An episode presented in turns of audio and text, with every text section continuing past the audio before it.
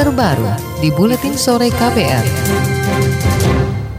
Saudara Markas Besar Kepolisian Indonesia terus mendalami kasus amuk masa pada 21 dan 22 Mei lalu.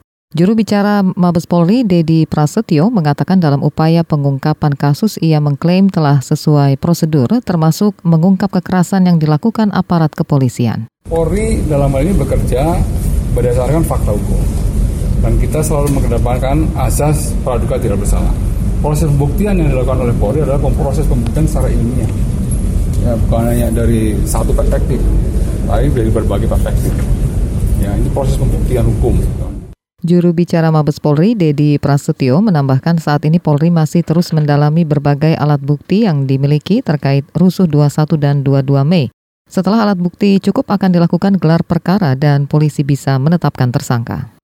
Tim pencari fakta dari Komisi Nasional Hak Asasi Manusia Komnas HAM masih mengumpulkan data korban meninggal dan korban luka dalam kerusuhan 21-22 Mei 2019.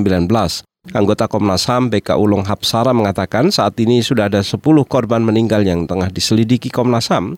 Delapan korban berasal dari Jakarta dan dua orang berasal dari Pontianak. Jadi kami sudah mendatangi rumah sakit, ketemu dengan keluarga korban, koordinasi dengan kepolisian, dan juga meminta data-data kepada Dinas Kesehatan Provinsi terkait dengan jumlah korban, baik korban yang meninggal maupun korban yang luka-luka.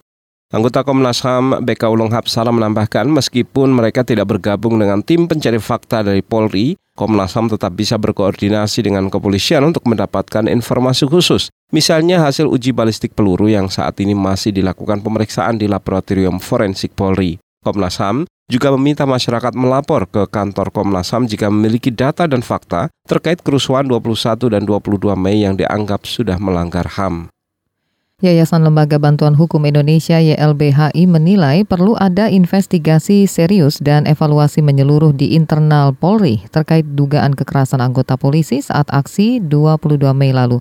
Direktur YLBHI Asfinawati mengatakan dari temuan seluruh LBH se-Indonesia, kasus polisi melakukan kekerasan terhadap masyarakat tidak hanya terjadi pada aksi 22 Mei saja. Eh, banyak kasus-kasus LBH ada ada peristiwa meninggalnya orang tersangka di tahanan atau ketika sedang berada di tangan polisi. Dan sedikit sekali pelakunya yang diproses hukum tapi hanya kena hukuman disiplin. Ini yang harus diubah. Kalau melakukan tindak pidana ya harus diproses hukum gitu. Jangan hanya kena hukuman disiplin karena ini terus-terus menerus berulang Direktur YLBHI Asfinawati menambahkan tugas tim pencari fakta TPF di Mabes Polri tidak hanya mengungkap latar belakang kericuhan, tetapi perlu ada evaluasi di dalam tubuh Polri secara serius. Menurut Asfi, banyak kasus kekerasan yang melibatkan aparat kepolisian, namun pelakunya hanya ditindak dengan hukuman disiplin.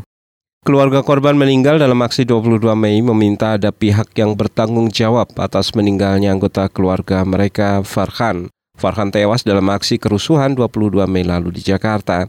Ayah Farhan, Safri, pesimistis pemerintah maupun polisi dapat mengungkap penyebab kematian anaknya.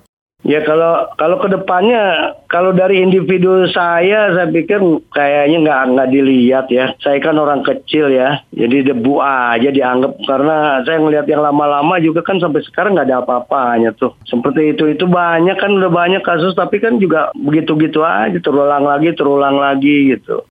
Syafri Alamsah, ayah Farhan menambahkan banyak pihak yang telah datang berkunjung ke rumah korban tetapi tidak ada yang mampu atau tidak ada yang menyampaikan pertanggungjawaban maupun perkembangan penanganan kasus kematian anaknya. Ia hanya berharap ada pihak yang serius menyelesaikan kasus anaknya tersebut.